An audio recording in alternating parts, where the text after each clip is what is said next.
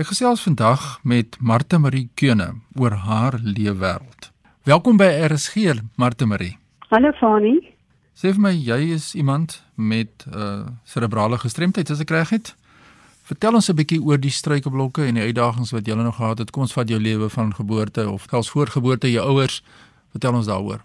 Reg, ek gebruik maar die die terme is um, cerebral palsy of CP, maar net 'n korter weergawe as 'n cerebrale gestremdheid. En ehm um, blykbaar wat gebeur het is my ma was so 7 maande swanger en ehm um, sy het vir ondersoek gegaan na die ginekoloog toe. Hulle het opgetel dat ek nie hartklop het nie en hulle moes 'n noodkeisersnee doen. Ek was omtrent so 3 maande in 'n broeikas gewees. En my ouers het met met die tyd agtergekom dat ek nie basies vordering maak soos wat ek veronderstel is om te maak nie. En toe hulle by verskillende dokters navraag gedoen en daar's blykbaar net vir hulle gesê dat ek maar net stadig ontwikkel. En ja, hulle het gelukkig 'n jaar later het hulle by 'n pediater uitgekom wat hulle na 'n neurochirurg verwys het. En die neurochirurg het opgetel dat ek basies die um, slow death syndrome het.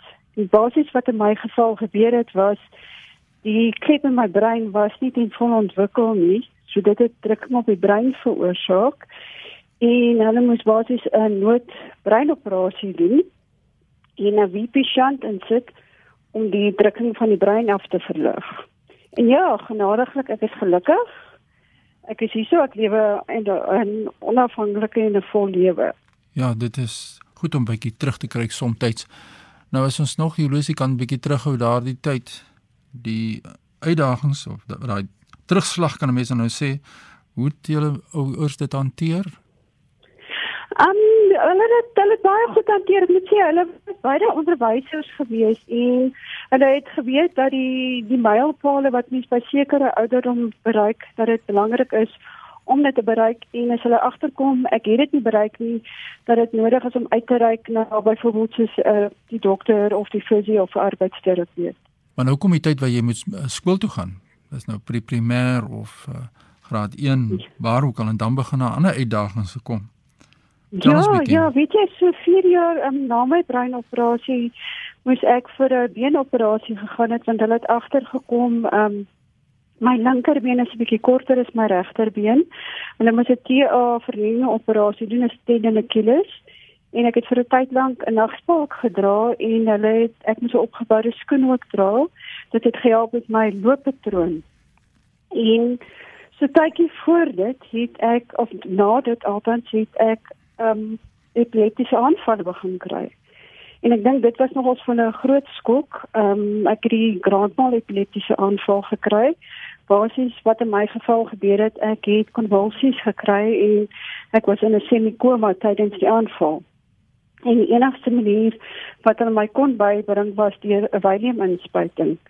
En dit het so drie keer met my gebeur. En ja, genadiglik was daar elke slag iemand by toe ek my aanval gekry het en ek het wonderbaarlik herstel. My gas natuurlik is Martha Marie Keune. Ons kyk terug oor haar lewe wêreld. En soos ek net genoem het, daardie tweede terugslag wat nou gekom het en toe kom jy nou by die skooljare. Wat was die impak toe nou daar? Ja, weet jy wat, ek was gelukkig ek kon skool gaan. Ehm um, maar so rukkie na my epileptiese aanvalle gekry het, het ek net verskriklik siek geraak. My ouers moes my laat opneem in daai tyd in Tygerberg Hospitaal. Ek was so 12 jaar oud en ek het in die een week het ek 5 kg verloor. Hulle het nie tot vandag te weet nie wat fout was met my nie. Hulle het lumbar punch sê gedoen. Ek het dit nie eers gevoel nie. Ja. ek was te pap geweest. En dit het my so 6 maande gevat om te herstel. Daar was 'n stadium wat hulle gedink het ek sal nie my laerskoolloopbaan kan voltooi nie, ook nie my hoërskoolloopbaan nie. Maar genadiglik het ek in daai tydperk herstel en ek kon weer skool toe gaan. En natuurlik as 'n persoon met gestremdheid jy begin dinge anders te doen hè. Ja, weet jy. Mens skryf waar hulle sê waar daar wil is, is daar weg. Ja. Ek enige meisiekind wat my my hare laat groei het en uh, my ma het altyd vir my gesê, weet jy as jou hare wil laat groei, dan moet jy dit self vasmaak want sy was half 6 in die oggend by sy huis uit gewees. So ek het my ure voor die spieël gesit en geoefen. Practice makes perfect. Ek het dit op die eind reg gekry en die dae wat ek nou regtig vinnig my hare moes vasmaak, het ek maar banana klip nader gegryp. Ja. en en en dan natuurlik jou skoene. Ek het veterskoene daai tyd gehad en dit was nog 'n uitdaging en dis waar arbeidsterapie so aandag te pas ingekom het want jy hulle gee vir jou die fyn motoriese oefeninge om te doen vir koördinasie. En ek kon dit op die einde reg kry. Het my manier wat op my veters vasmaak maar dit werk en ja, ek meen nog een van die uitdagings was een van my ouer broers het 'n uh, Donkey Kong speletjie gehad en die uitdaging was dat die die die kontrole was aan die linkerkant en die springknopie aan die regterkant en ek was gedetermineerd om die speletjie te speel. Ja.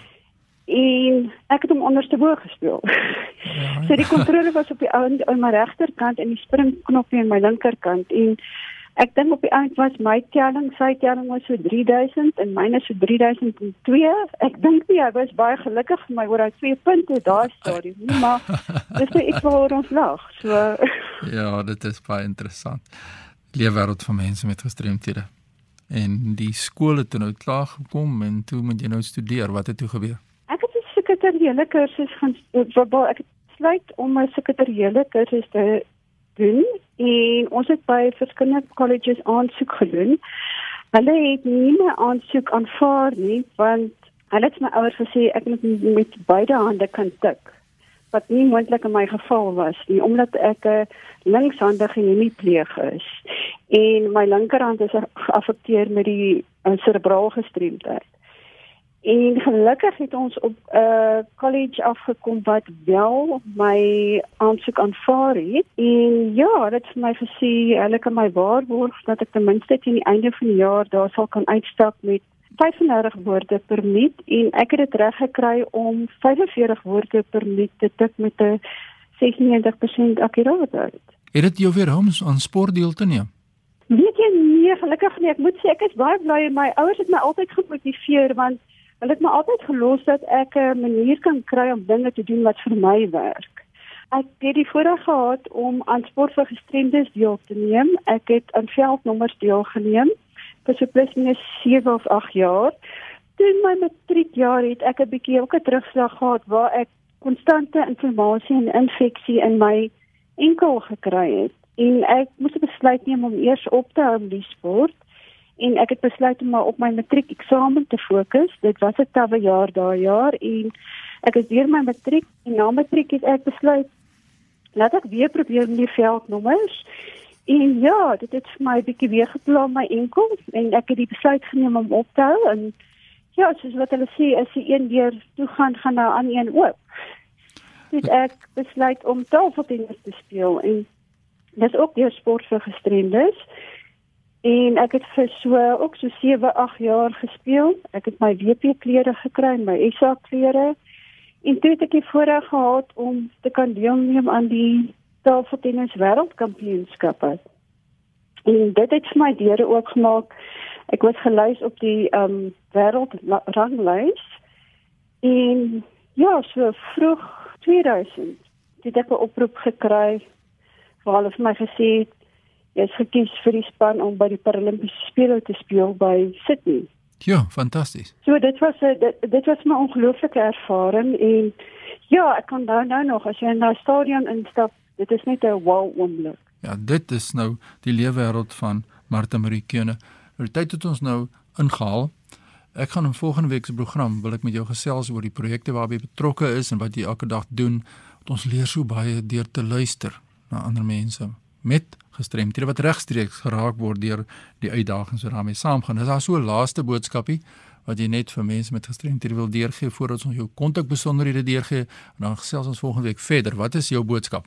Okay, my boodskap aan aan mense daar buite is as jy 'n persoon met 'n gestremdheid sien, hanteer hulle net soos wat jy enige ander persoon sou hanteer. As jy 'n familie sien met 'n gestremde kind, kan jy met hulle gesels, 'n geselsie aanknoop. Hulle is dalk nie dieselfde bootjie as jy nie, but you can help them row the boat. Dit is die mening van Martha Marie Keune. Ons gaan hoor wat sy sê. Volgende week gesels ek verder met jou oor hierdie baie belangrike saak van gestremdheid en hoe mense dit moet hanteer. Baie dankie vir vandag se deelname. Baie dankie, Tony. Jy het jou kontak besonderhede deur. Um jy kan my kontak by mmkeune@gmail.com. Ja, herhaal ons net daai besonderhede. mmkeune@ mweb@gmail.com. Ons gesels volgende week verder. Dit is e-pos aan my wil stuur vir hani.dt by mweb.co.za. Groetens uit Kaapstad.